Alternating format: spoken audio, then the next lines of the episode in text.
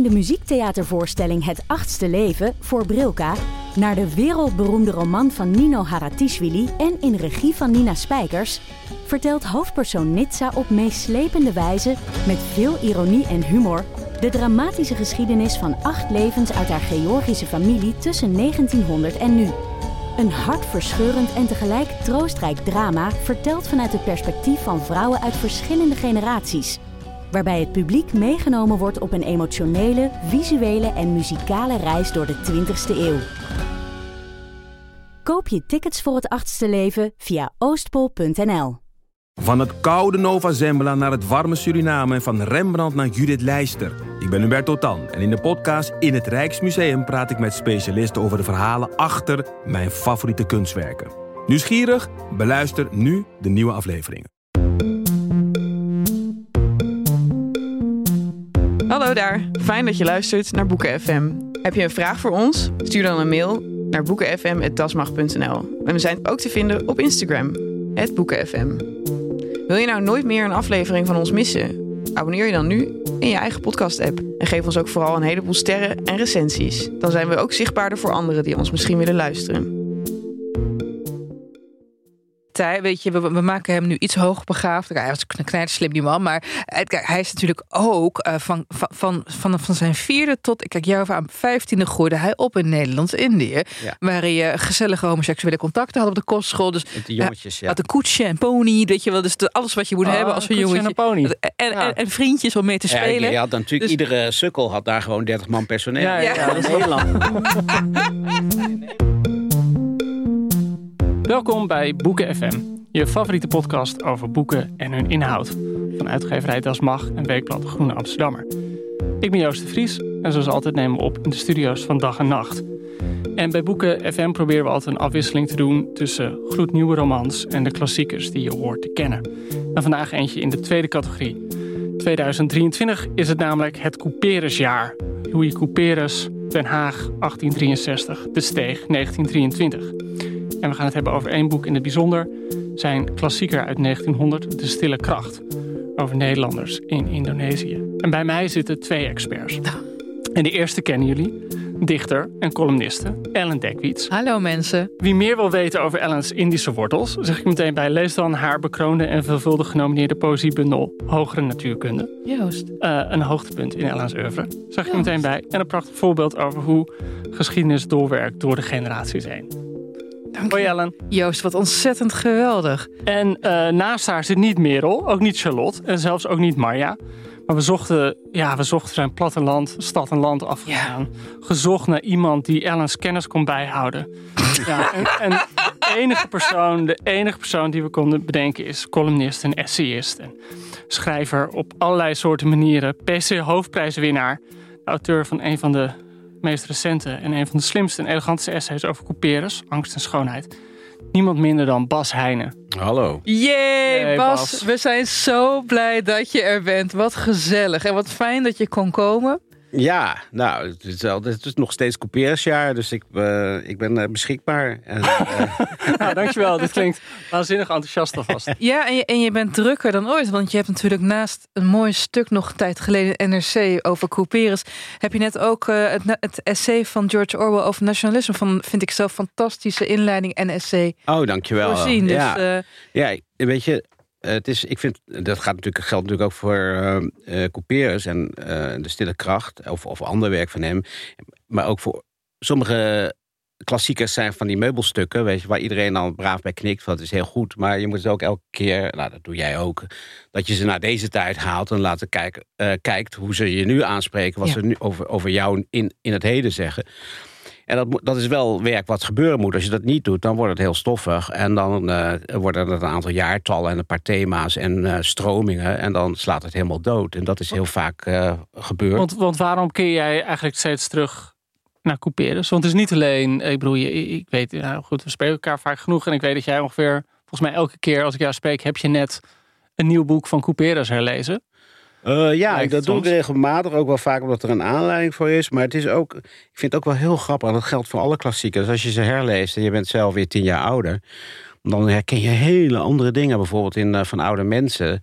Uh, wat mij eigenlijk de laatste keer, deze zomer, toen ik dat uh, las in een herspelde editie, niet hertaald, maar herspeld. Door, door Michelle van Dijk? Nee, dat is her, hertaald. Maar ik, en nu is het gewoon herspeld. Dus zo met één O in plaats van twee oh, O's. En dat scheelt heel erg. Zeker ook bij uh, het prozen van Couperus, wat toch al enige inspanning hoeft, dan scheelt het gewoon als het gewoon een mens met een, uh, met een S en niet SCH is.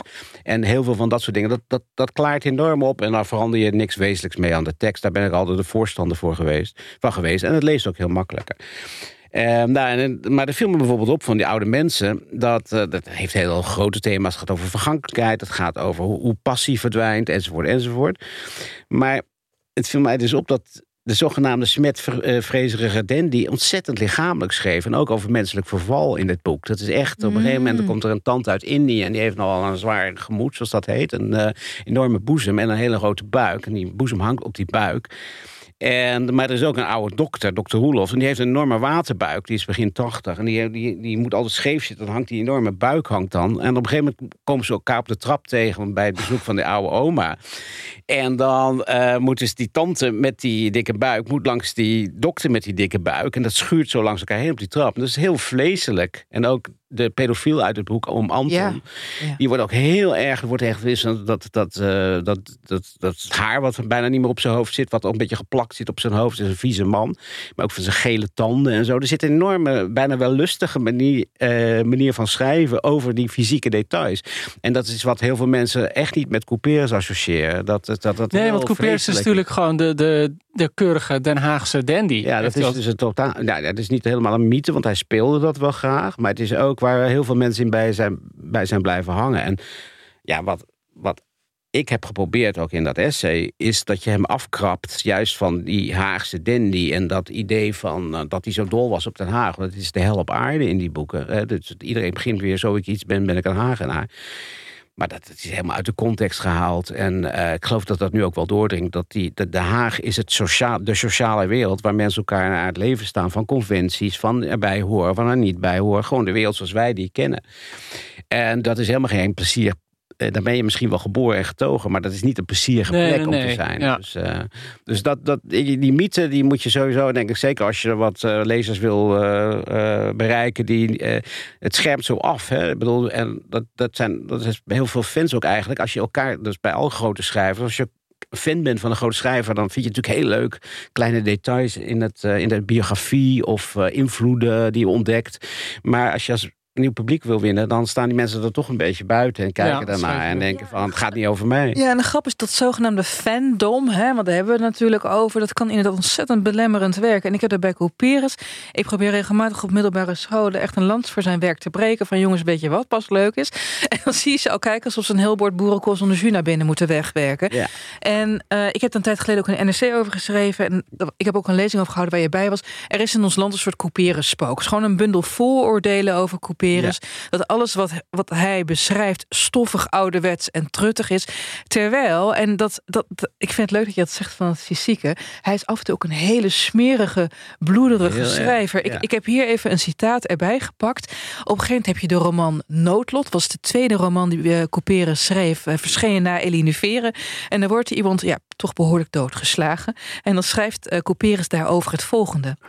Het gelaat was een blauw en groen en een violet wanhoopsmasker overschoten met een zwart purper dat lekte uit oren en neus en mond in langzame stralen van slijmerig donker vocht die op het tapijt neertappelden in drup na drup.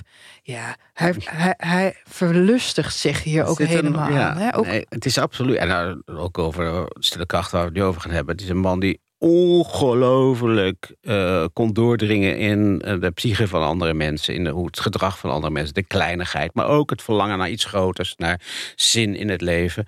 En dat was de uitgangspunt van mijn essay. In, bij al zijn werk gaat het om hoe moet je leven als betekenis niet meer gegeven wordt door de maatschappij of door geloof of door ideologie of wat dan ook, maar dat je zelf moet beslissen uh, wat voor jou een zinvol leven is. En daar zijn de meeste eh, personages die worstelen daarmee. En sommigen die uh, verdwijnen in het grote niks. Uh, die zelf eigenlijk een soort van Dostoevsky. Nou, daar zit heel veel in. in een soort burgerlijke, conventionele omgeving. Die zet hij onder spanning. En dat doet eigenlijk in de stille kracht ook. Dat het eigenlijk een heel. Hoe, dat, hoe die stille kracht begint met een heel rustig, geordend koloniaal bewind. Ja. En dan langzamerhand wordt die druk steeds groter en dan spat die hele boel uit elkaar. En dat doet hij met Den Haag. En je ziet ook altijd in die boeken dat het gaat over de mensen die denken dat ze de wereld doorhebben. Dus de heersers, de, Ja. de dominanten, die worden gevloerd. Of het nou Alexander de Grote is in Iskander, of de Van Oudijk in de Stille Kracht, eh, of die, die Frank heet die in, Licht, ja, en- Frank, En, dus de mensen die ja. denken dat ze het spel spelen, de, de, het patriarchaat, eh, Ja. de, dus de, de viriele, sterke, overheersende, meestal man, die worden eigenlijk gevloerd, uitgehold door wat zwak is. Dus wat zwak is, ook in de stille kracht, wint altijd van wat sterk is, omdat, omdat wat sterk is blind is. Die kijken niet goed. En dat, eh, dat is zo'n thema, daar moet wel iets heel persoonlijks bij hem in zitten. Dat heeft denk ik wel met zijn eigen biografie te maken ook. Oh, Maar dat is kan je wel- daar iets Ja, meer over vertellen? Kan je dat? Nou, Ja? ik denk dat hij... Hij komt uit zo'n koloniale ambtenaarsfamilie. Eh dat is natuurlijk speculatie, hè, want hij heeft heel weinig persoonlijke dingen. Echt persoonlijk is hij eigenlijk nooit, ook niet in zijn brieven. Maar je kan je wel iets bij voorstellen dat zo'n man die in, in de eh, 19e eeuw opgroeit in een zeer geordend eh, maatschappij, hè, dat burgerlijke Den Haag, wat zichzelf ook hoog heeft zitten, en dat koloniale bewind, wat, waar, waar geen vraagteken bij gezet werd, zeker in zijn jeugd niet. Ehm, eh, en verder stond alles, eh, godsdienst, weet je, alles stond redelijk overeind. En je ziet dat, die, dat hij daar niet in paste. En dat die vroege boeken, ook Noodlot, wat jij net noemde, die gaan eigenlijk altijd over iemand die. Eh, Eline Vere is ook een misfit. Iemand ja. die niet, die eigenlijk op samenvalt met haar omgeving, daar ook wel afhankelijk van is en het product van is, tegelijkertijd daaruit wil, ja, voelt van dit kan het niet zijn, of er moet iets anders zijn wat buiten mijn, en dat probeert aan te raken. En dat ik denk dat dat heel autobiografisch is. En ook in Extase, dat hebben ze nu net een mooie Oh ja, editie van prachtig. gemaakt. Ja, ja, ja. En dat is ook zo iemand die, weet je, je denkt dat het sociale, conventionele leven genoeg is, maar dat is niet zo. En dan als je dat eenmaal door hebt, dan is er eigenlijk geen houden meer aan. Dan moet je iets. En dus dat, ik denk dat dat eh, heel erg met hem zelf te maken heeft. En ik weet, eh, bijvoorbeeld is bij eh, iedereen, er wordt nog steeds over getwist door sommige Koreanen, maar ik denk dat hij absoluut homoseksueel was. Ja. Ik denk... ik denk, je hoeft maar twee regels te lezen. Maar het, grap, het ook wel weer wat gezegd moet worden daarbij. En daarom is dat die hele discussie laatst of die non-binair genoemd kon worden. Is eigenlijk best was- interessant. Er kwamen natuurlijk allemaal mensen weer in opstand.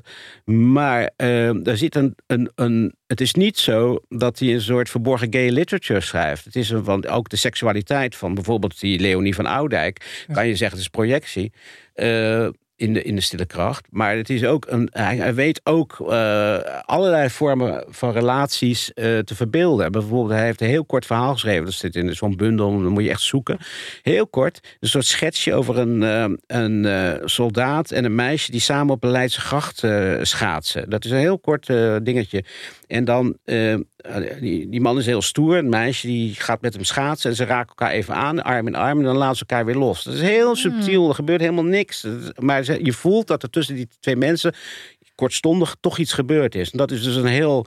eh, lichte vorm van eh, empathische relatie, kun je zeggen. Aan de andere kant weet hij ook eh, wat een orgie is, zeg maar. Dus hij weet, hij weet alle, alle Nou, weet facetten van de seksualiteit. Al die registers weet hij te bespelen. En weet je wat ik ook zo mooi vind aan zijn werk? Dat hij ook heel erg. Dat, dit hoor je trouwens altijd wanneer, wanneer iemand zich lovend uitlaat over het werk van de schrijver. Maar bij Couperus geldt het eigenlijk als geen ander. Hij weet de tekortkomingen van de taal af en toe haarfijn te tonen. Hoe mensen in dialoog totaal banaal langs elkaar heen blijven praten. Je had het net over extase. Heel mooie nieuwe uitgave van uitgeverij Het Moed. Tip voor alle luisteraars. Op een gegeven moment heb je daar... Ik heb het even opgezocht, jongens. Op een gegeven moment... Ik heb trouwens altijd op de computer staan, lieve luisteraars thuis. Dus dat jullie niet denken dat ik hier mezelf Oh, nou, een hernia nou, heb oh. God. Ja, ja, Vijf het meter couperus op mijn rug. Om gewoon die, die encyclopedie in leven houden. Nee.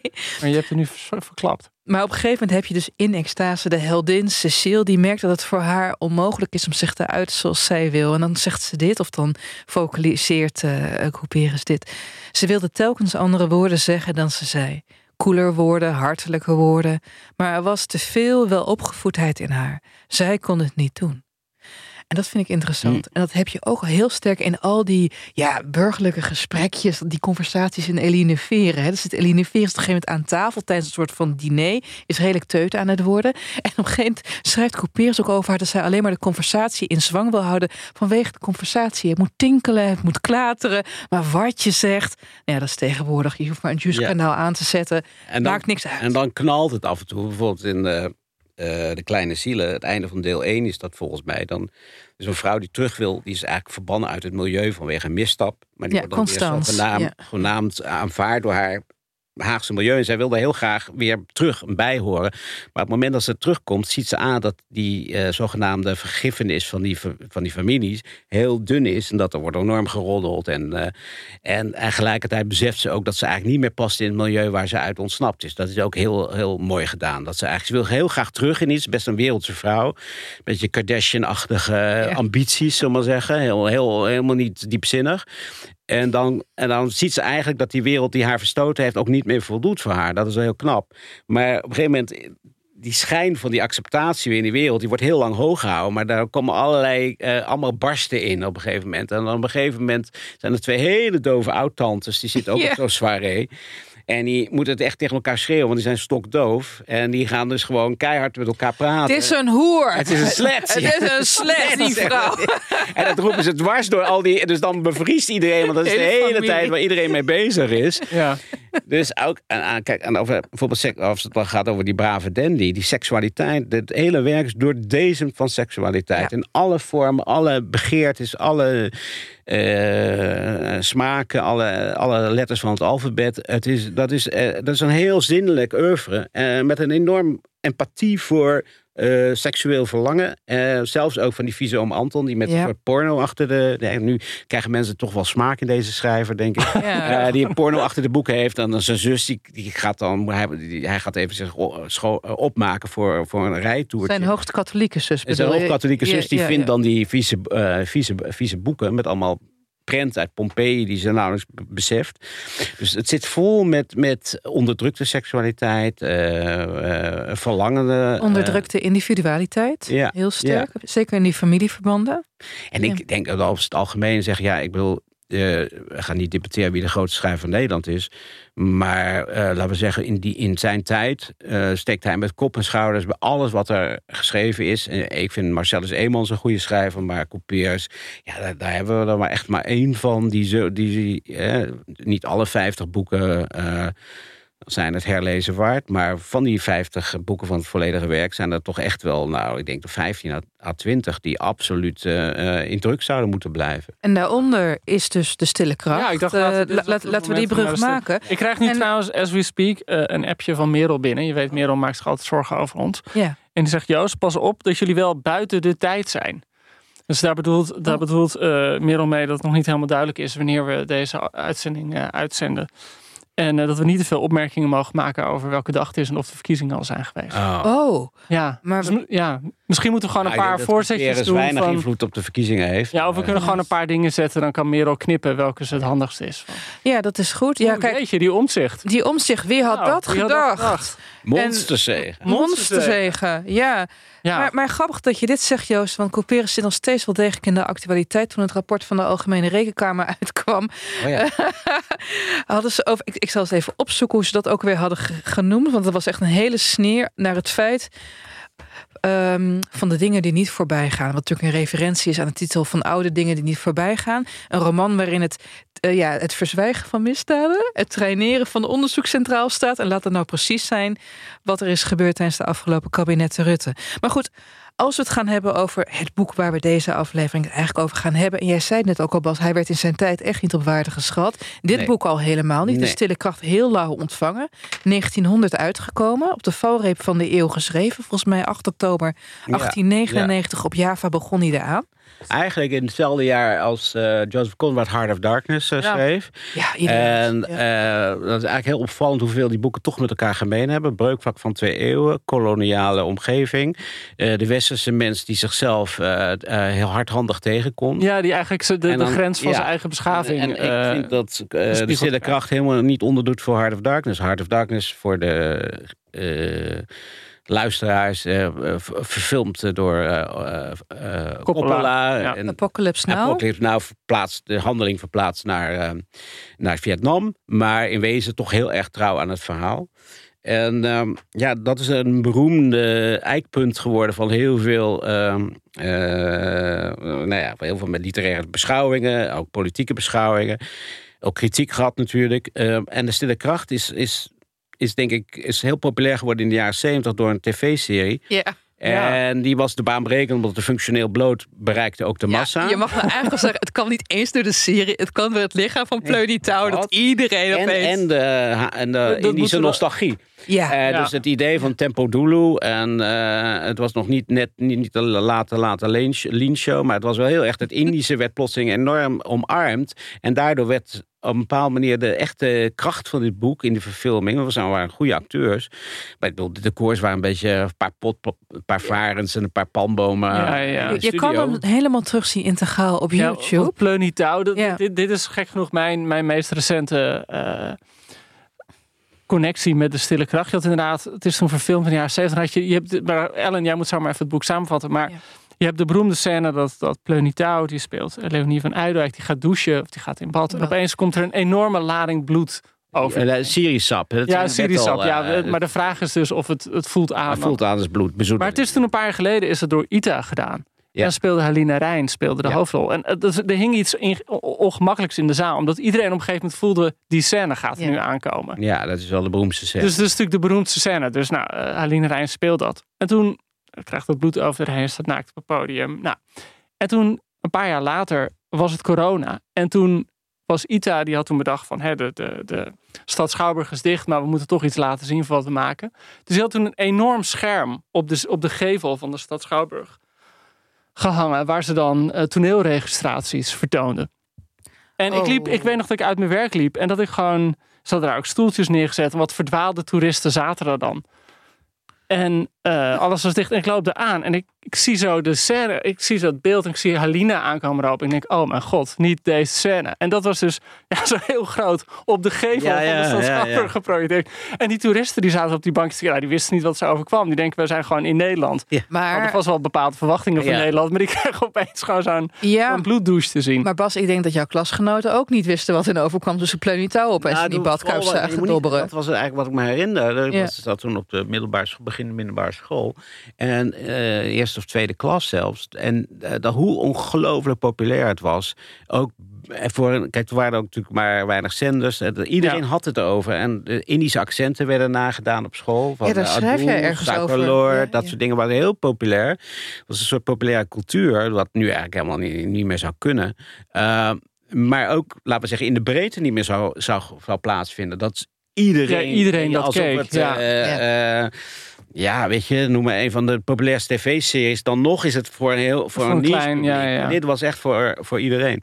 Dus dat, en dat heeft natuurlijk ook wel tegen couperus gewerkt. Populair, maar daardoor de serieuze literaire kritiek... die had zoiets wat Ja. jij net beschreef. Zo van, eh, ja, wat een beetje eh, melodrama, tempo dulu, eh, te, te, te pamantig om, om echt literatuur te zijn. Dus daardoor is Couperus eh, slecht onderhouden door de Nederlandse literatuurkritiek. En eh, ik weet nog wel dat ik een aantal jaar, of toen in die, later een stuk over, voor Raster heette het tijdschrift, eh, schreef, dus over klassiekers. En toen begon, kwam ik met dit boek. En toen eh, was er echt zoiets van, nou, weet je wel, zij waren met Kombrowicz wezen de helden van toen, Mm, weet je wel. ja. Dus dat was gewoon, ja, het idee dat in Nederland ook een meesterwerk geschreven kan worden, wat ik de stille kracht vind. Eh, dat was toch eigenlijk, was ook een soort, eh, ja, nee, dat kan het niet zijn. En ook door die, door die populariteit bij dat grote publiek, dat heeft zich echt toen tegen coupeers eh, gekeerd. Maar goed, ik denk ik de laatste jaren, ik lees nu bij het het Litera- Literatuurmuseum, heeft een soort online expositie. Dat is eigenlijk heel veel tekst over coupeers. Maar dan zie je ook wel dat het coupeersbeeld, en ik hoop dat ik daar ook een steentje aan bij heb gedragen met het boek, eh, toch wel serieuzer wordt. En de thema's serieuzer worden behandeld. Dat ze ook zien dat het niet een een of andere mooi schrijver was. Of iemand die alleen maar leuk dat Haagse kon beschrijven. Maar echt existentiële, Ja. visionair in het geval van de stille kracht thema's aan. Ja. En ik geloof dat, dat dat tij wel een beetje gekeerd is inmiddels. Ook Ja. door, door jouw eh, leesgids en door je lees, door stuk in de groene. Dat, Ja, en ook door Ja. de nieuwe belangstelling voor de koloniale tijd. Eh, Ja. ik, ik, merk, ik, merk, ik merk dat echt wel hoor. En eh, weet je, we, we hebben het nu de hele tijd als motjes eh, vliegen wij om de vlam die de ja, stille laten kracht we is. gewoon Maar laten we even. Laten we eens eventjes vertellen, heel in het Ja. kort, waar het over gaat. De stille kracht, wie ben je en wat doe je daar? Het speelt zich af op het eiland Java. Je hebt daar de, nou ja, de, de, de resident Otto van Oudwijk, man van, van Oudijk, een soort pardon. lokale bestuurder, bestuurder, bestuurder, ja. die, ehm, Is in, de provincie, in de provincie. Ja, dus niet uh, Oost-Java. Niet de blink van, van Batavia. Het, is, het is een beetje, ja, je zit toch een beetje in het. Ik kom er vandaan, dus ik mag het zeggen, in het Borne van Java. En um, hij is 48 jaar, hij heeft een enorme snor en hij is wel blij met zichzelf. En dit is een man die nog meer in rationaliteit gelooft dan uh, ja, waarschijnlijk ons nieuwe minister-president Pieter Omtzigt. Alles is redelijk, al het zichtbare is niet meer dan je ziet. Je kan het hele leven eigenlijk uitrekenen, beheersen. En een echte Hollander. Een echte Hollander. En um, hij, hij hangt al wat langer rond daar in de kolonie. Hij heeft ook uit een eerdere verbindenis met een huishoudster... een zoon die die ja, wel of niet echt erkent. Uit een voorgaande huwelijk heeft hij twee kinderen... die inmiddels volwassen zijn. Theo en Doddy. En tegenwoordig heeft hij met een zeer ja, soort Europese blonde stoot, Leonie, die dus, nee, je moet je maar meteen aan Halina Rijn denken of voor de wat oudere toehoorde. Ja, Pleunitouw. En ja, het begint eigenlijk, Otto die loopt in door het donker. En dat, ik pak het even bij Bas. Ik, ik, vind dat zo mooi beschreven. Dat is, dat, dat is al meteen dat ik even. De volle maan, tragisch die avond, was reeds vroeg, nog in de laatste dagschemer opgerezen als een immense bloedroze bol vlamde als een zonsondergang laag achter tamarindebomen der lange lanen en steeg, langzaam zich louterende van haar tragische tint in een vage hemel op. Een doodse stilte spande alom als een sluier van zwijgen, of na de lange middagsiesta de avondrust zonder overgang van leven begon. Ja, en hier wordt je het sprookjesachtig al ingetrokken. En als contrast. Een soort stilte voor de storm. Precies dat. En als een contrast loopt die Hollandse boer, lalala, die loopt hier. En hij loopt zichzelf een beetje te feliciteren met hoe geweldig het gaat. Maar tegelijkertijd, en daar kom jij op weer met dat psychologische inzicht, hij voelt zich ook eenzaam. Ja. Daar begint hij over te twijfelen. De vrouw is op reis, die komt dan de dag daarna terug. En het grappige is, en dat is wel dus die, dat Labuwangi, dat is in het echt Pasuruan. Dat is, was hij bij zijn zwager op bezoek. Die was daar resident. En hij heeft de Stille Kracht geschreven eigenlijk ter plekke. Dus hij heeft dat Pasuruan, ik ben daar geweest uh, tien jaar geleden. Heel erg als een soort, uh, ja, als een soort set manager. Hij heeft een soort decor gezocht waar hij gewoon in zat. Dus hij heeft dat boek in drie maanden geschreven. Ja, eigenlijk, en die wandeling van de resident in, dat, in het begin van het boek kun je helemaal nalopen. En eigenlijk klopt alles. Al die, de, de harmonie, dat is nu een technische school. Het, waar de sociëteit uh, is dan, weet je, waar de, waar de kolonialen bij elkaar gaan zitten. Die staat precies op de plek die hij hem noemt. Dus het is bijna een soort journalistiek soort setting die hij gebruikt. Ook omdat hij waarschijnlijk haast had. En hij, gebruikt, hij had gewoon drie maanden heeft hij een boek, boek geschreven. En, uh, en dat geld, hè? Want hij, hij had echt cash nodig in die periode. Ja, en hij kreeg ook van zijn uitgever Veen ook behoorlijk veel. Want hij was door Eline Veren een bekende naam. Alleen het probleem was voordat we gaan weer terug naar de roman. Ja, maar, ja, zijn probleem was dat hij heel erg een succesauteur was. Die daarna, uh, ook wel boeken die wij niet meer zo lezen. Majesteit, die verkochten eigenlijk ook best heel goed. En maar toen hij echt zo'n zo'n grote werk ging schrijven. beginnen met Langs Lijnen van Geleidelijkheid, 1899 en De Stille Kracht. En toen al die andere boeken, eigenlijk in tien jaar tijd, een enorme reeks meestelijke boeken heeft geschreven. Die werden nauwelijks opgemerkt. Uh, en misschien ook wel een beetje het Gunberg-effect. Het verscheen zoveel dat mensen geen tijd hadden om het allemaal te lezen. En uh, hup, weer een vierdelen kleine zielen. Uh, hup, uh, de berg van lichten achteraan. hup, van oude mensen achteraan. Allemaal in kort tijdsbestek. En daar kreeg hij nog steeds wel behoorlijke hoge voorschotten voor. Maar die, dat die werden nooit terugverdiend. En de stille kracht helaas ook niet. Afijn, we gaan terug naar gaan de, terug, focus in nou, naar de resident. wachten tot Leonie ja, ja. En Leonie die is, nou, die komt binnen. En je, je hebt als lezer, of denk je meteen van... nou, dit is niet helemaal Ze is een stuk jonger dan hij. ze is veel te hot voor hem. Dat is gewoon duidelijk. En uh, al gauw blijkt dus een, een soort van uh, ja, tussenscène dat zij het stiekem houdt met haar stiefzoon. Oh. Theo, van Dus daar hebben al die, die pornofilms het van afgekeken. Ja. het wordt, nog, veel erger. Het is echt seks in de tropen. Ja, want uh, gaandeweg, kijk, uh, de, de jongere dochter, het zusje van Theo, of volwassen dame genaamd Doddy, heeft ook een vrijer. Uh, de knappe Indische Addy, de zoon en erfgenaam van een suikerfabriek-imperium, geloof ik. De Lus, ja. ja. En, uh, en uh, nou ja, Leonie ziet hem op een feestje en denkt, hartstikke idee, daar lust ik ook wel een portie van. Dus die gaat eraan. Theo helemaal witheid, niemand blij. Maar dit is maar één uh, verhaallijn. Want wat er tegelijk op de achterkant speelt, is dat die bevolking langzamerhand in opstand aan het komen is. Die hebben er geen zin meer in. ze, hebben, ze worden ja, geleid door edellieden, de, de radens, die ook gewoon hun tijd verdoen met drinken en Raden moet je misschien even Een uitleggen. raden is ja, een, ja, namens de bevolking. Van Ja, namens de bevolking. een van Ja. de hoogste adellijke Ja. titels is dat. Dus Dus dat de kolonialen deden, dat ook Ja. de Britsen deden dat ook. Dus je had een, eh, een, een, een koloniaal uit het, eh, uit het overheersende land. En dan hadden ze altijd een lokale grootheid ernaast. Die Ja. dan eigenlijk Ja. als een soort verbindenis werkte. In dit geval gaat het over eh, een hele hoogstaande familie, die, eh, waarvan, eh, die, de- dat is ook heel subtiel gedaan. Die resident van Oudijk, die kon het met de vader van de huidige regent heel goed vinden. Daar had hij echt een rapport mee. Die begrepen elkaar, die waren hoffelijk tegen elkaar. Dus hij leeft in de overtuiging dat hij een hele goede band met de plaatselijke bevolking heeft. Maar die zoon, die, die is mystiek. Die heeft, houdt zich bezig met allerlei. Die, en die is heel vijandig en heeft ogen als een wajangpop. ja, maar waarom hij, hij, kan hem niet, hij kan hem niet doorgronden. En eh, de- hij voelt dat er een soort agressie en eh, verborgen haat zit. Maar hij kan daar niks mee. En zijn broer, die, eh, dat is iemand die is, die, is, die is veel toegankelijker. Maar dat is gewoon een losbol. Die, die dobbelt. En dat kaartspelen, dat he, die vergokken eigenlijk alles. Dus ze Ja. gooien ook de eer van die enorme hoogstaande familie. En die, die resident als een van de, de, de scheuren die eigenlijk in zijn wereldbeeld komen, er komen er nog veel meer, is dat hij niet begrijpt dat bijvoorbeeld die Sonario, de regent, die mystiekeling, dat hij heel populair is bij zijn bevolking, terwijl hij heel erg niet in de belangen van zijn bevolking dient. En daar zie je al dat zijn rationele, tussen aanhalingstekens, blik tekortschiet. Dat hij niet begrijpt, hoe, zoals mensen Donald Trump niet begrijpen, waarom hij zo populair Ja. is, terwijl hij zijn kiezers aan alle kanten naait.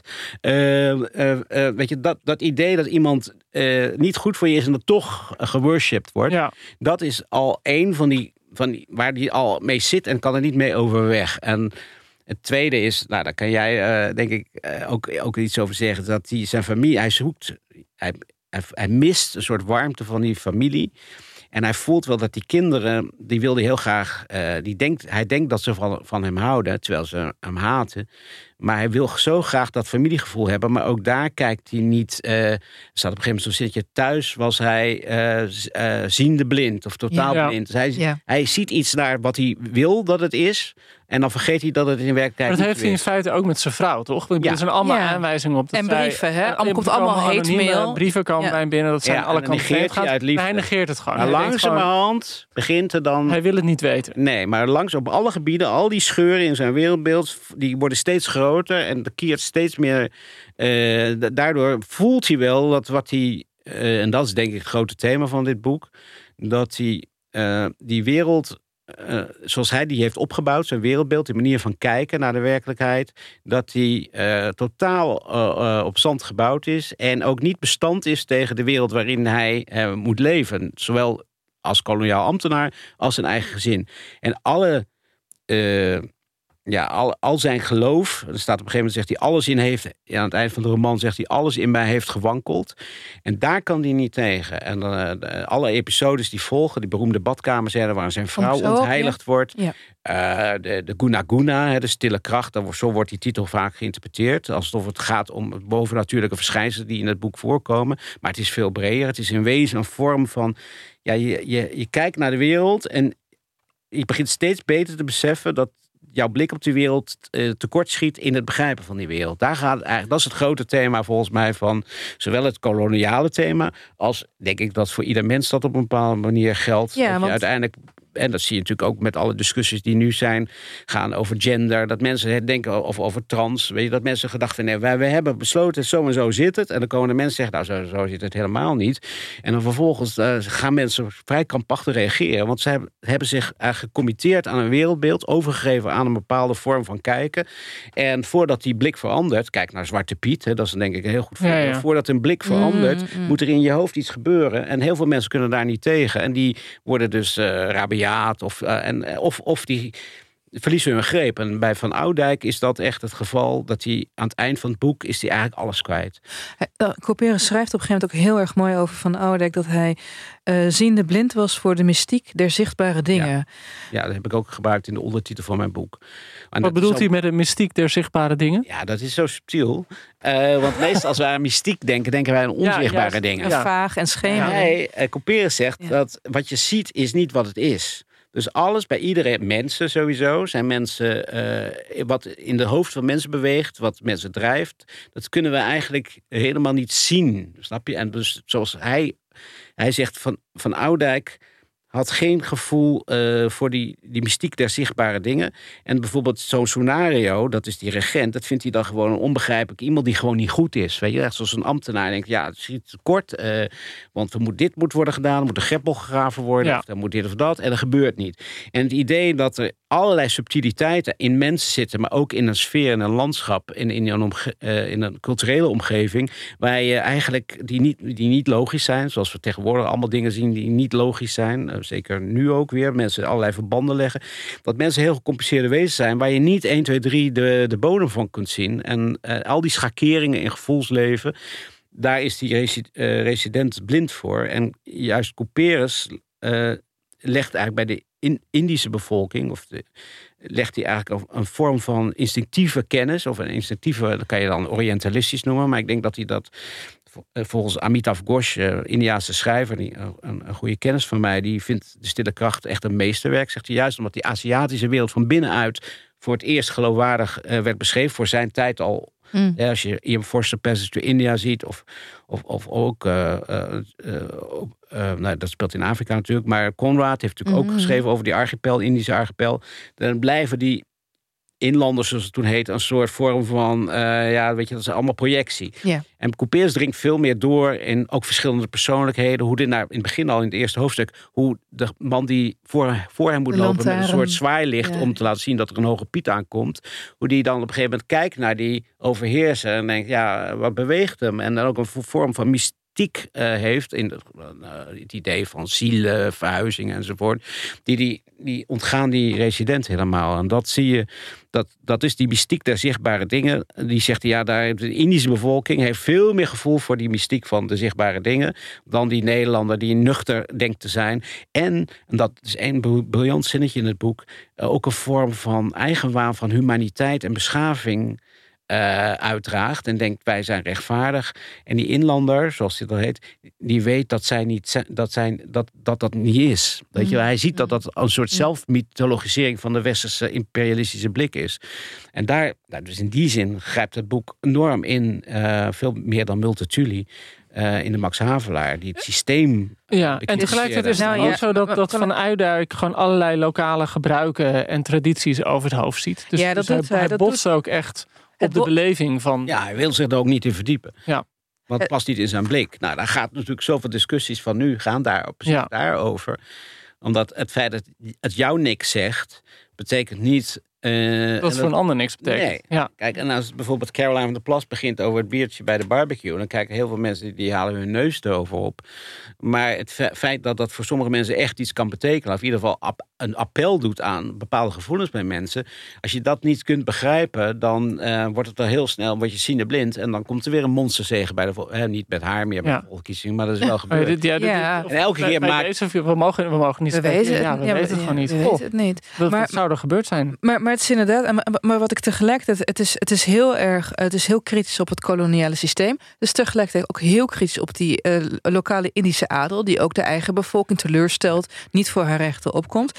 En ehm, wat, ik, wat ik er, ehm, wat ik er tegelijk, want er we hebben het nu over eigenlijk maar een paar personages gehad. Er zijn ook nog een Ja. aantal tegenstemmen. Je hebt op een gegeven moment heb je ook in deze roman eh, loopt de vrouw van eh, ja, een ondergeschikte van Otto, een zekere Eva Eldersma. Ja, de vrouw van de secretaris. Ja. En die woont aan de andere kant van de eh, Lange Laan, de- tegenover de residentswoning, hebben zij een huis. Ja.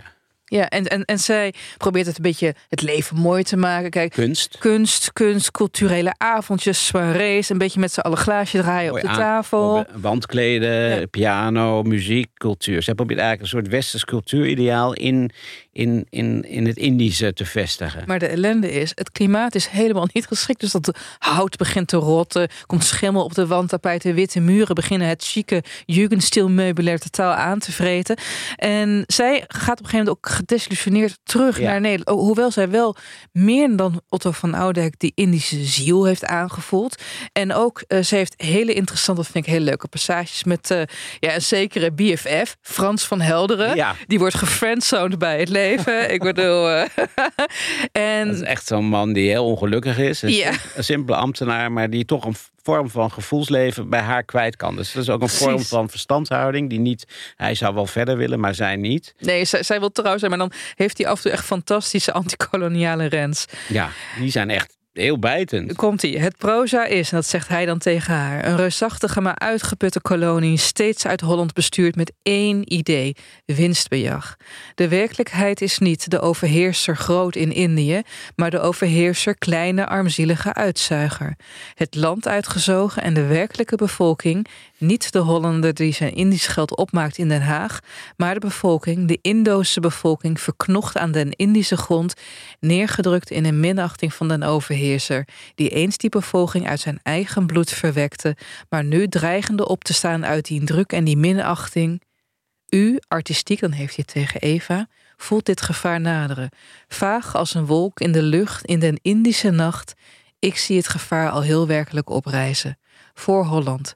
Zo niet van Amerika en van Japan. Mind you, hè, 1900. Ja, 1900. Dit is Ja, echt- dan wel uit Indië's eigen grond. En tegen het einde van deze roman, Visionair. Wat is ja, dit is visionair? gewoon grappig. Hij- maar, maar tegen het einde van de visionair is, de roman is het nog, nog meer visionair. Want kijk, in, eh, tijdens de Hollandse overheersing ja, waren eigenlijk onder de, onder de Indische bevolking waren verschillende geloofszuilen. Sommige waren christelijk, meer waren, waren, islam, wa- wa- waren moslim.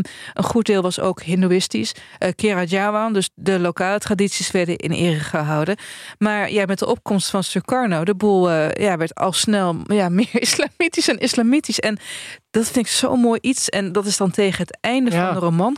Ik, weet je, lezer, ik spoil dit, maar ik spoil dit tegelijkertijd niet. Want het is zo'n rijk boek. Is het, eh, op een gegeven moment. ehm, is dat, en help me even Bas, want jij weet dit allemaal veel beter. Ja, Otto, eh, Otto en Eva. Ja, ik moet eventjes wel ik Ja. wat introduceren dan. Dat Ja. is die, want je ziet eigenlijk dat Doe in het het. boek worden drie eh, pilaren van westerse hegemonie afgebroken. Dat is aan de ene kant die residentswoning, die wordt bestookt met eh, eh, bovennatuurlijke krachten. Glas whisky verkleurd, vliegen stenen door de gang, Spiegel kapot. spiegel kapot. Eh, aan de andere de kant, dat heb je al beschreven, aan de andere kant, dus de, de, de wereldse overheersing wordt, ge- wordt teniet gedaan, vernietigd, on- uit zijn evenwicht gebracht. Aan de andere kant heb je die Eva Eldersma, die wil een kunstpaleis maken.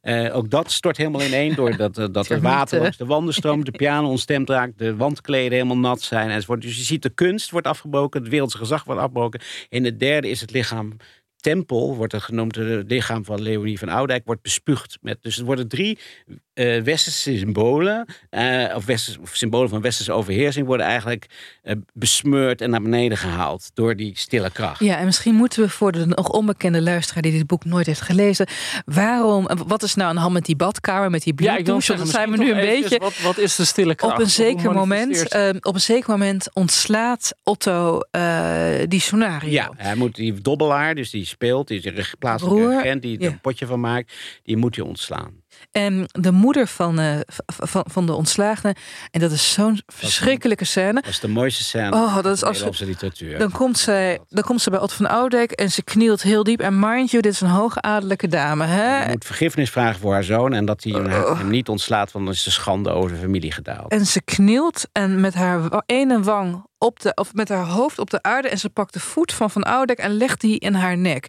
En dat is in Indisch gebruik complete, complete onderworpenheid. En dan Otto denkt, ja, waarschijnlijk wel, oh, wat doe je nou raar dan? En vervolgens gebeurt het dus. maakt hem wel iets botter dan. Ja, ik vind dat zo. Ik moet ook. Ik, ik, ik appte jou dat van tevoren.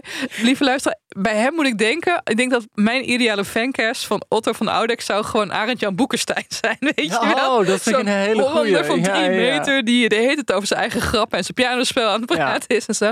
Maar goed, ehm, dat is het eerste dat misgaat. Vervolgens is er een waterput die eh, is gegraven en die moet eigenlijk gewijd worden met een offer. Dat gebeurt niet, dus de hele bevolking super geïrriteerd, want bijgeloof. En dan gaat eh, Leonie op een gegeven moment, ja, weet je, je wordt toch vies van al die dingen die je buiten eigenlijk uitvreet. En denk, ja, Jolo, ik ga even lekker in bad. En dan is ze in die badkamer en dan wordt ze bespuugd. En je zei het net al, Bas, met Siri, dat is een soort, ja, aan aan de paprika plant verwant kleefkruid. Als je dat opkoudt, dan, eh, ja, dan voel je alsof je een extra energie hebt. En opeens komt, en, en, en de spuug die het oplevert is bloedrood. Opeens wordt zij van alle kanten, terwijl ze zich in het eentje in die badkamer waant, bespuugt ook nog een witte haji die overal ergens een beetje aan het rondlopen is. Otto laat daarna mensen van het leger een avondje doorbrengen in die badkamer. Die komen in tegen de ochtend naar buiten, willen er niet over praten en beginnen meteen de badkamer te slopen. Dus dat vind ik ook heel leuk trouwens. Hij legt het ook niet uit. Hè? Nee, nee, er zit een soort uh, heel, het heel eh, naar. ja. Maar dan aan het eind zie je van het boek, dan, eh, dan, dan is die eh, van Oudijk is alles kwijt. Er zit ook nog een seksuele intrigue, dat hij de, zijn vrouw bijna betrapt op overspel. En, en, Oh ja, die en dan wordt hij snel, eh, die Adi wordt snel aan die dochter overgeleverd. Dus hij, beg- hij begint wel iets te vermoeden. Dus hij begint het allemaal door te krijgen. A, maar ook dat die familie niet, niet echt helemaal de warme familie is die hij wilde hebben. En B, dat zijn heersensblik ook tekort schiet. En dan uiteindelijk breekt alles in hem. En volgens, het, het mooie is dat hij krijgt die stille kracht, al die, die, die opstand krijgt hij eronder. Dus hij wint eigenlijk, maar hij begrijpt het niet meer. Dus dan zegt hij, alles in mij heeft gewankeld. Ik, mijn blik, ik, ik, ik begrijp het gewoon niet meer. En dan heeft hij ook geen houvast meer. En dan eindigt hij met een nieuwe vrouw in de kampong. Ja. En Eva Eldersma, die, eh, die man wordt heel ziek. En op een gegeven moment gaan ze dus terug naar Nederland. En Eva Eldersma, die is ook gedesillusioneerd. En samen treffen ze elkaar dan nog in die kampong aan het eind van het boek. Dus En- Eva en Otto bedoel ja, je? en dat zijn Ja. allebei mensen die gevloerd zijn door Indië. Eh, die op een bepaalde manier alle, eh, en daar ook een vorm van berusting in vinden. En misschien ook wel een diepere wijsheid over het leven. Daardoor vi- vinden ze elkaar ook. Zij, zij zijn degene die elkaar begrijpen aan het eind van het boek. En, en dan komt ook die slotscène.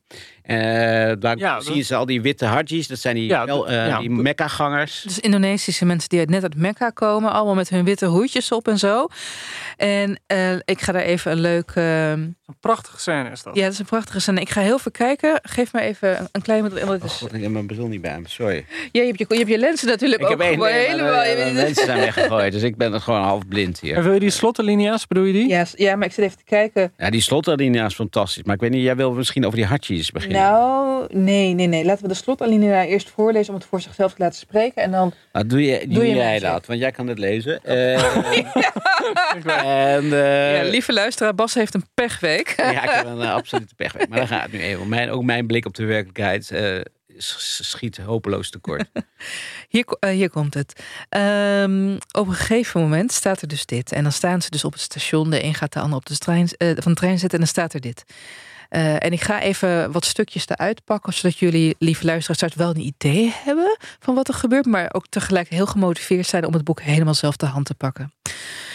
De trein hield, stil. En uit de lage wagens der derde klasse, plechtig, langzaam, vol wijding en bewust van hunne waarde, stegen de hadjis uit. Rijk geel en wit getulband het hoofd, waarin trots de ogen glansden. Laatdunkend de lippen zich dichttrokken in nieuwe glanzende jassen, goudgele en purmeren samaren, die vielen aanzienlijk neer tot op de voeten. De hadjis, plechtig, stegen uit. En hun broeders en hun vrienden grepen om strijd hunne handen, de zomen van hunne goudgele en purperen samaren, en kusten die heilige hand, dat heilige gewaad, omdat het hun bracht iets van het heilige Mekka. Zij vochten, zij verdrongen elkaar om de hartjes, om het allereerst een kus te geven. En vreemd was het in dit land van diep geheimzinnige sluimerend mysterie, in dit volk van Java, dat zich altijd als altijd verborg in het geheim van zijn ondoordringbare ziel, wel onderdrukt, maar toch zichtbaar, te zien reizen ene extase, te zien oogstraren een dronkene dweping, te zien zich openbaren een deel van die ondoordringbare ziel in haar vergoddeling van wie het graf des profeten had gezien. Te horen zacht gonzen een godsdienstverrukking, te horen optillen, plotseling onverwacht, een niet te onderdrukken kreet van glorie, die weer dadelijk verzonk, versmolt in het gegons, als angstig om zichzelf, omdat het heilige tijdstip nog niet daar was. Dus hier heb je al die hele opkomst van de, de, de Indische bevolking is in deze roman gedwee, ogenschijnlijk gedwee de hele tijd. En nu komt, zie je opeens pas de levensmoed, vreugd, die ziet iets wat hem verrukt. Joost, pak jij hem over. Nou ja, ik zit gewoon verder te lezen. Ze voelden het, ze staan daar, hè, van Oudijk en Eva. Ze voelden het beide, het onuitzegbare. Dat wat schuilt in de grond, wat sist onder de vulkanen. Wat aandonst met de verre winden mee. Wat aanruist met den regen. Wat aandavert met de zwaar rollende donder. Wat aanzweeft van wijd uit een horizon en eindeloze zee. Dat wat blikt uit het zwarte geheimoog van de zielgeslotene inboorling. Wat neerkruipt in zijn hart en neerhurkt in zijn nederige hoormat. Dat wat knaagt als een gift en een vijandschap aan het lichaam, ziel, leven van de Europeaan. Wat stil bestrijdt de overwinnaar en hem sloopt en laat kwijnen en versterven. Heel langzaam aansloopt, jaren laat kwijnen. En hem ten laatste doet versterven, zo nog niet dadelijk tragisch doodgaan. Zij voelde het beide, het onuitzegbare. Het gekke is, toen ik dat las, moest ik ook denken aan Kipling. Kipling is natuurlijk aan de ene kant de grote uh, tamboerijn van, van het kolonialisme. imperialisme. Maar Ja. tegelijkertijd had hij ook heel erg oog voor, zoals Orwell dat ook heeft in verschillende essays. Dat juist die overheersing, daar ga je zelf aan ten onder. Je levert een stuk van jezelf in door altijd maar de controle te willen hebben. En zeker als je voelt dat je op allerlei mogelijke manieren die controle eigenlijk niet hebt. Je kan wel door wapens en door geld en door, door, door, door zeg maar simpele, eenvoudige materiële macht de baas te spelen, de baas kunnen spelen. Maar op het moment dat je weet van binnen dat, dat die macht nergens anders op gestoeld is dan op die harde onderdrukking, dan hoor je jezelf uit. Eh, ja, goed, Ja, dan zijn- moest ik bij deze zijn, eh, zijn, een van zijn beste boeken van Kipling is Kim. En dat gaat over een jongetje, een Brits jongetje... wat eigenlijk een soort half eh, eh, Indiaas wordt. Hè? Ja. Heel leeft, een soort, soort los leven leidt als, als kind... en zich overal thuis voelt in, in die zogenaamd wezensvreemde cultuur. En dat, dat, is, dat is eigenlijk een van de meest... Daar laat Kipling zijn eigen imperialisme ook zoveel mogelijk los. Misschien aan het einde minder, maar... Dat, en dat is ook in 1900 geschreven. Hè? Dus het Grappig. zijn allemaal boeken die toch heel sterk voelen dat er iets knaagt. Ja, dat is manieren. fundamenteel. Maar Couperus, als je ziet hoe, hoe visionair het boek eigenlijk is. eh, terwijl er toch maar. Er werden wel kanttekeningen gemaakt, natuurlijk, bij het Nederlandse, eh, Hollandse koloniale bewind. Maar lang niet in 1900. eh, en dat hij voelt dat die hele. Eh, het gaat ook over cultuur, dat die twee eh, niet rijmen, niet matchen. Dus dat er ook werkelijk geen. en A, die houding van die Hollanders, zoals jij net, Ellen, voorlas. Dat idee van alleen maar voor winstbejag. En niet echt werkelijk geïnteresseerd met een paar biologen misschien, een paar tekenaars Ja. erbij. Ja. Maar op zijn Hollands gewoon winst maken. Ze wil, niet te subtiel, ook niet te veel Hollandse cultuur uitdragen. Zoals Fransen altijd met hun cultuur deden in de koloniën. Dus het is heel bot. Eh, maar ook eh, totaal tegenstrijdig aan elkaar. En je ziet dat de ene cultuur kan niet nestelen in die andere cultuur. En dat, dat, nou ja, daar kun je ook nog heel lang over discussiëren. Wat, hoe mystiek dat is. En, ehm, en, en of Couperus daar gelijk in heeft. En, eh, bedoel, maar voor die tijd is het natuurlijk... En wat het knappe is, vind ik dat die grote thema's waar we het nu over hebben... dat die telkens voortkomt uit hele reële eh, scènes van hele gewone, niet bijster filosofische personages. Mm. Het gaat Nee. gewoon over Mm. seks. Op een gegeven moment krijgt die Leonie, dat, toen ik het nu even weer opsloeg, die Leonie die krijgt het op een gegeven moment, eh, die voelt zich een beetje hitsig worden op een gegeven moment. En dan voel je ook dat de, de boezem een beetje begint te kleven onder de jurk. En, eh, en ze heeft de sambal gegeten en die, die brandt in haar keel. Dus het is heel fysiek Ja, ook ja. weer. Dat is wat ik me nu de laatste tijd opvalt. Hoe, hoe dicht hij bij die personages blijft en bij hun alledaagse sensaties. En dat uittrekt tot een bijna ja, kosmische thematiek. En Ja. dat, dat maakt voor mij een van de, nou, misschien wel de beste Nederlandse roman ooit geschreven. Omdat het, het, gaat, niet- het vervliegt niet in holle beweringen of zo. Elke keer is het ook weer geaard in echte mensen. Ja, het is absoluut niet abstract. Nee. Nee, Het, het is heel fysiek Nee. en heel ja, in, in de personages. Ja, en die zoon die, ja, die van Oudijk, die, ja, ja, eh, wat, die, die, je, je, die man, dat is ook knap. Dat hij niet een botte koloniaal die met een zweep Nee. eh, door het dorp loopt. Hij denkt dat hij het goede doet. Ja. Hij is, en dat voel, je, krijgt- je verliest niet je sympathie voor hem. Nee, dat maakt hem zo tragisch. Nee, ja, je blijft bedoel, hem leuk Het is geen boeman. Maar slim dat je het zegt pas inderdaad dat, dat, dat zowel dat, dat banale dat verwoven is met kosmische. Ik moet af en toe ook denken aan het gedicht van ehm Jea der Mouw. Ik ben Brahmaan, maar we zitten zonder meid. Waarin hij dan heeft zijn al zijn verheven ideeën en tegelijkertijd niet weet hoe hij zijn eh, keukentafel moet schoonlappen. Ja, en dat is wat, nou, vind ik heel knap van Couperus. En daardoor is hij ook, dat past ook helemaal niet bij het idee van die, eh, van die dandy die eh, aan spetvrees leidt. Maar het knap van dit boek is natuurlijk dat zo, deze man heeft dit boek ter plekke geschreven in drie maanden als een soort journalist. En, en al die thema's, dus hij heeft heel goed gekeken Ja, naar hij die mensen. voelde waar het die- aan. en hij deed ook aan amateurtoneel hè, in die, in die Ja. eh, sociëteit en zo. Ja. Dus, ik bedoel, hij, hij was helemaal in dat milieu gebed. Dus, dus om dan zo uit je eigen milieu te In kunnen. zo'n korte, dat is meestal als je tien jaar terugkijkt of zo, weet je wel. Of als, eh, En, en we- weten, jullie, eh weet, weten jullie eventjes hoe dit boek gelezen werd toen? Is het ook hoe, hoe reageerde men? Kijk, in Nederland eh, was een bepaalde literatuur. Weten jullie ook, maar misschien eh, vraag ik nu te. Hoe het in Nee. Indië werd In gerecepteerd. Nou, in Indië is toevallig. Ik eh, kreeg, mm, nou wat ik zei, ik kreeg niet heel veel kritieken. En ook best een beetje zeurkritieken, weet je wel. Dus dat is ook wel troost voor schrijvers van nu. Het zegt allemaal niks.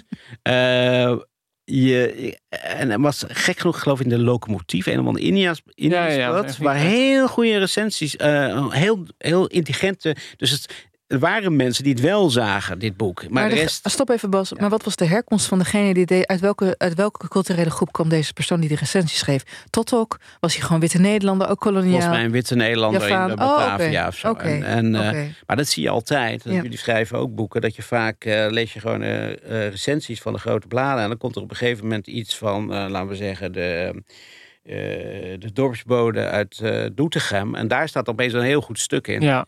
Uh, van iemand die, uh, die, die ontzettend goed gekeken heeft naar je werk of naar, naar jullie werk. En dat gebeurt heel vaak. En dat is bij Couperus ook het geval geweest. Dat er één of twee stukken waren die wel goed zagen wat de inzet van dit boek was. Maar over het algemeen is het niet of nauwelijks on echt ontvangen ook. En het is, de eerste druk was geloof ik 17 jaar na verschijning nog niet uitverkocht. Dat is ook een troost voor heel veel schrijvers. Bizar idee is nee. het toch ook. En, en, en, ja. en Couperus die schreef zo snel dat op een gegeven moment werd hij, uh, kwam er iemand met zo'n, uh, dat heb je vaak, komt iemand met oud werk aanzetten. Waar je denkt, koop het nieuwe boek. Want daar ja, ja. inmiddels wel 25 boeken ja, ja. nageschreven. Dat was een hele mooie gebatikte band. Dus uh, die man die wilde. En toen heeft hij geloof ik een opdracht ingeschreven. Schrijver deze uh, kan zich helemaal niet meer herinneren dat hij dit boek geschreven heeft. Nou, dat zal enigszins overdreven zijn geweest. Maar, ja, maar goed, als je het in drie maanden schrijft. En dan daarna meteen weer. Ja, maar, maar jongens, nee, maar, maar we, we doen zijn Indische tijd. Weet je, we, we maken hem nu iets hoogbegaafd. Hij was een knijterslim die man. Maar kijk, hij is natuurlijk ook uh, van, van, van, van zijn vierde tot, kijk, jou aan vijftiende groeide hij op in Nederlands-Indië. Ja. Waar hij uh, gezellige homoseksuele contacten had op de kostschool. Dus Met de jongetjes, ja. Had een koetsje en pony, weet je wel. Dus de, alles wat je moet oh, hebben als een jongetje. En, een pony. En, en, vriendjes om mee te spelen. Ja, je had natuurlijk dus, iedere sukkel had daar gewoon 30 man personeel. Ja, ja, ja. in Nederland kwam. Dan in Nederland kwam, had je niks meer. Dat beschrijf je ook. Toen hij naar het gymnasium vond iedereen hopeloos beperkt. En er was niemand die, uh, die zijn, zijn onderbroek klaarlegde, bij wijze van spreken. Nee, nee, of, of erin ging, hè? Wilde ze ook gewoon blijven couperen um, geweest. En er waren dus ook geen, op die HBS waren ook geen, uh, inderdaad zegt hij, geen verliefdheden, geen relletjes. En ook geen, uh, geen intieme vriendjes. Nee. Dus al dat uh, tropengedoe, dat, dat, dat miste die in die Hollandse, uh, pu, uh, hoe noemen het, de protestantse zakelijkheid, zullen we maar zeggen. Ja. Ze vonden het in die zin heel weinig spannend toen hij terugkwam. Ja, ja en, en, maar, maar, maar, maar ik, ik denk soms ook dat, het, dat, dat die in de jeugd toch wel voor een deel weer in zit. Dat aanvoelen ja. van die mystiek. Maar ook, want ik heb dus... Ik vind en de badkamer ook. Want dat, nou ja, dat, maar dat, dat heb ik uh, beschreven in, die, in dat essay. Dat die badkamer voor hem als jongetje moest hij, die Indische badkamer die ligt buiten de woonhuis. Dus dan moet je door de tuin. En als jongetje moest hij dan fijn, later als het al donker was, moest hij zich gaan wassen. En dat kleine jongetje ging dan door die tuin en dan voelde hij die vleer, reuzenvleermuizen en al die spoken en alles. Hij vond het doodseng. En dan ging hij, moest hij dan in die, moest hij zich uitkleden. Dan stond hij in die kuip en dan moet je dan aan zo'n touw trekken. Er komt allemaal water over je heen. Er is geen douche. Uh, dus, die, dus er stond dat brillende jongetje stond in die badkamer en daar zag het dus iets van vleermuizen zitten. En die pure kinderangst van uh, ja, een, een, een, een, een, een, een ziel of een mens die eigenlijk in een omgeving zit die bedreigend is, die eigenlijk niet kan peilen, die zoveel groter is. Dat is volgens mij de oerscène uit, uit Couperus. En, en die komt terug in die badkamers en in de, in de stille kracht. Maar hij heeft er later nog een paar keer over geschreven. En zelfs, denk ik, uh, op een gegeven moment in, in uh, een latere roman uh, komt... Uh, Alexander de Grote komt in een, oh, ja. in een mausoleum Sikander. van de, ja. Iskander. Iskander. Ja, Iskander komt in, in een, waar de Persische vorst Cyrus ligt begraven. En dan komt hij het mausoleum in en dan ziet hij een of ander lichaam waar een been ontbreekt, waar, waar een graf wat geroofd is. En dan kijkt hij omhoog en dan ziet hij ook weer vleermuizen. Dus dan is die, dat mausoleum mm. voor die koning en de vergankelijkheid van zo'n lichaam. Ja. Ziet hij dan, ziet zelfs Alexander de Grote, die inmiddels ook aan het ten ondergaan is in die laatste roman van Couperus. Door iets krachtig zichzelf en ja. totaal zichzelf verliest. Ziet dan ook dat totale wezensvreemde universum waar hij deel van uitmaakt. In, in in weer een soort badkamer. Dus ik denk dat die ruimte. Dat vind ik mooi. Dat je, inderdaad, het is ook een mausoleum deels, zo'n Ja. badkamer. Ja, je ziet elke keer dat Ja. je. eh, aan- kijk, in het dagelijks leven, als je maar bij de, als je maar je belastingenformulieren goed invult, dan heb je daar niet zo'n last van. Als je. Eh, Oh, ik wel eh, hoor, Bas. Ik, zie allemaal spoken. Ja, ik Vleermuizen. Eigen sterfelijkheid. zijn tevreden als ze een bonuskaart niet vergeten. Maar eh, als je verder kijkt, eh, en ook verder kijkt nu met, met politiek of zo. Als je denkt dat de politiek jouw leven bepaalt, nou, dan, heb je, dan mis je toch iets in het leven, denk ik. Ehm, dus, dus, maar als je steeds verder kijkt, en dat is bij Couperus. Dus aan de ene kant zijn die personages die leren verder kijken dan die horizon van, hè, van dat alledaagse. Maar dan kan je dus ook helemaal jezelf kwijtraken en hopeloos ten onder gaan. Het is niet per se altijd een nieuw bewustzijn, is een nieuw leven en het is een nieuw geluk. Nee, vind ik mooi dat je dat zegt. Er is geen hogere waarheid. Er zijn waarheden die naast elkaar bestaan, is mijn bevinding met zijn, eh, met, zijn schrijven. En wat ik ook heel fijn vind aan zijn werk, hij is, want je zou kunnen zeggen dat, dat hij een hater is van iedereen die optimistisch is. Weet je wel, kijk, Otto, ras Simpele optimist. optimisten, laten we zeggen, Ja. het correspondenttype. Ja, ja, ja, ja, ja. De alle Brechtmannen de gaan me- de helemaal mens is goed, alleen er Ja. is iets in de maatschappij wat, Ja, wat dat ja. niet helemaal goed ziet. En als we dan die maatschappij een beetje, als we de pers een beetje, nou, ik bedoel eigenlijk meer ook, eh, weet je, wel, eh, het is de media die onze goede inborsten verpesten. Maar als we die media nou in orde krijgen, dan kan, Ja, kan, dan kan, vinden we elkaar dan allemaal kansen aardig. de toekomst eh Ja, maar, aanbreken. maar precies. Maar zoiets kom je dus totaal niet bij hem tegen. Ik bedoel, hij is kritisch, maar hij is tegelijkertijd, ik weet niet of het hoopvol is, want hij erkent de chaos waarin de mens zich bevindt, Ja. maar hij is niet defetistisch. Hij is niet pessimistisch per se. Hij loopt niet de hele tijd, wat sommige schrijvers wel doen, met je vinger, met een vinger in een wond eh, te Nee, nee, nee, nee. nee. peuren van, En, zie je wel, eh, de en- mens is afschuwelijk. Hij heeft natuurlijk wel een antwoord op. eh, Kijk, ik kan zeggen, die Indische wereld, dat is dat, dat kind in die badkamer, die dreiging van een universum wat we niet begrijpen. Dan komt Den Haag, dat is het sociale. Maar daarna gaat hij naar Italië. En Italië is de persoonlijke bevrijding. Dat is toch wat heel veel mensen in Italië voelden. Zeker van die generatie. Im Forster in zijn eerste romans. Dat Mm, idee ja. dat je eigenlijk Ja. jezelf kan zijn. Zeker als je tot een seksuele minderheid behoort. Dat je eigenlijk toch... eh, eh, dat je een vorm van leven, de zon schijnt altijd. ja, als je tot een leven is bemiddelde seksuele minderheid Eh, behoort. dus, dus je kunt altijd, ehm, eh, je- daar is het vrije leven. Dus, dat is een soort, en daar ontdekt hij ook de oudheid en dus de, en dus de schoonheid. De schoonheid is het antwoord eh, van Couperus op die, ja, op die, op die essentiële vragen. De antwoordloze waarom, waar hij het over heeft. Eh, het grote vraagteken in Metamorfose, ook een heel bijzonder boek. Mm. Maar dan is die schoonheid een soort, eh, ja, een soort balsem eigenlijk. eh, en dan komt hij ook wel tot het schrijven van eh, heel veel kunstproza... waar ik dan niet helemaal in meega. Want Ja, dat, dat- wordt wel heel erg krullen. schrijverij. Ja, maar dat is net als bij Dostoevsky zijn panslavisme. Daar wil je eigenlijk ook niet eh, in geloven. Maar dat moet bijna als een ventiel ter compenseren... voor die, die borende blik op het menselijk ja, tekort. dat ben ik totaal met je eens. Dus hij heeft ook Ja. iets nodig waar hij zich wel aan vast kan houden. En Ja. bij Couperus is dat de schoonheid. Ja, en bij Dostoevsky, want dat wou ik aan het begin zeggen, wordt het later toch christendom en een heilig geloof in de Russische identiteit. Ja. Maar nee, inderdaad, Die inderdaad. schrijvers die moet je dat op een bepaalde manier. Daar mag je wel kritisch op zijn, maar dan moet het ook begrijpen. Omdat je kunt niet, als je zo goed. eh, dat is een van die personages uit eh, eh, van eh, hoe heet het, Kleine Zielen, die zegt: Ik zie te veel door alles heen. Dat heb ik als motto Oh, die gebruikt. gast van met die mijn boek. fase. Ja. Ja, ja, ja. En die. Die of, eh, Lang verhaal, mensen. Ja, nee, nee. eh, en dus, eh, dat heb ik als motto gebruikt. Ik zie te veel door alles heen. Dat is ook heel onprettig als je Ja. te veel door alles heen ziet. Jongens, we moeten wel. eh, we zitten nu. eh Merel gaat boos worden als we nu nog langer doorgaan. Ja, je Ga kent Merel niet, Bas, maar ze weet je te ja, vinden. Merel, ja, Merel, we- dat is onze angstkeker. Oké, nee, Ja. nee, maar goed. eh. Eh, ik ga jullie niet om een cijfer vragen, want dat, daar- ja, ik hou er gewoon niet van. En Bas heeft net al gezegd, dit is eigenlijk de belangrijkste, eh, misschien wel roman van de laatste, nou, misschien wel die we ooit hebben gehad. Zeg jij het Ja, Nederlands? ik denk dat de Nederlandse literatuur heeft een aantal hoogtepunten. Die, en, maar ik vind dit, en, en, en waar we het al uitgebreid over gehad hebben... het is heel lang eigenlijk miskend als hoogtepunt. En nu ben ik dan blij dat dat ook steeds meer nu wordt gezien... als een absoluut hoogtepunt. En een deze dagen, moet ik erbij zeggen, verschijnt dus ook zo'n hertaling of een, of, hoe noem je dat, zo'n eh, eh, Hersp- eh, herspelling is ja. het bij de, de kleine uil. Oh, maar dat zal dan wel eerlijk gezegd een Nee, hertaling hertaling zijn. Hertaling, oh ja. Ja. ja. Ik hoop ook, want er zijn nu een paar eh, van zijn meeste boek, eh, werken herspeld. eh, waaronder van oude mensen. Eh, en ik hoop dat, het, dat, dat de man die dat doet, uh, Dick van Vliet, de expert, dat hij dat ook met eigenlijk alle grote werken doet. Want daardoor krijg je echt wel een. Ja, het maakt het wel echt. Het Ja. maakt net het verschil. Je maakt het, leest het net zeg maar een factor makkelijker. Ellen, wil jij iets afsluiten? Ik wou nog iets afsluiten, iets, iets leuks zeggen, lieve mensen. Kijk, want Bas, je, je, je hebt in een eerder artikel verteld dat je eigenlijk door de tv-serie dus tot het boek De Stille Kracht eh, bent gekomen. Ehm, ik wil hier eigenlijk nog een extra droste effect aan toevoegen. Eh, als je denkt van allemaal fantastisch, maar ik heb nog geen zin om te lezen, raad ik je aan om even naar een Uur van de Wolf uitzending te kijken. Documentaire die deze knappe jongen hier heeft gemaakt. Namelijk getiteld Niet te stille inner- onrust.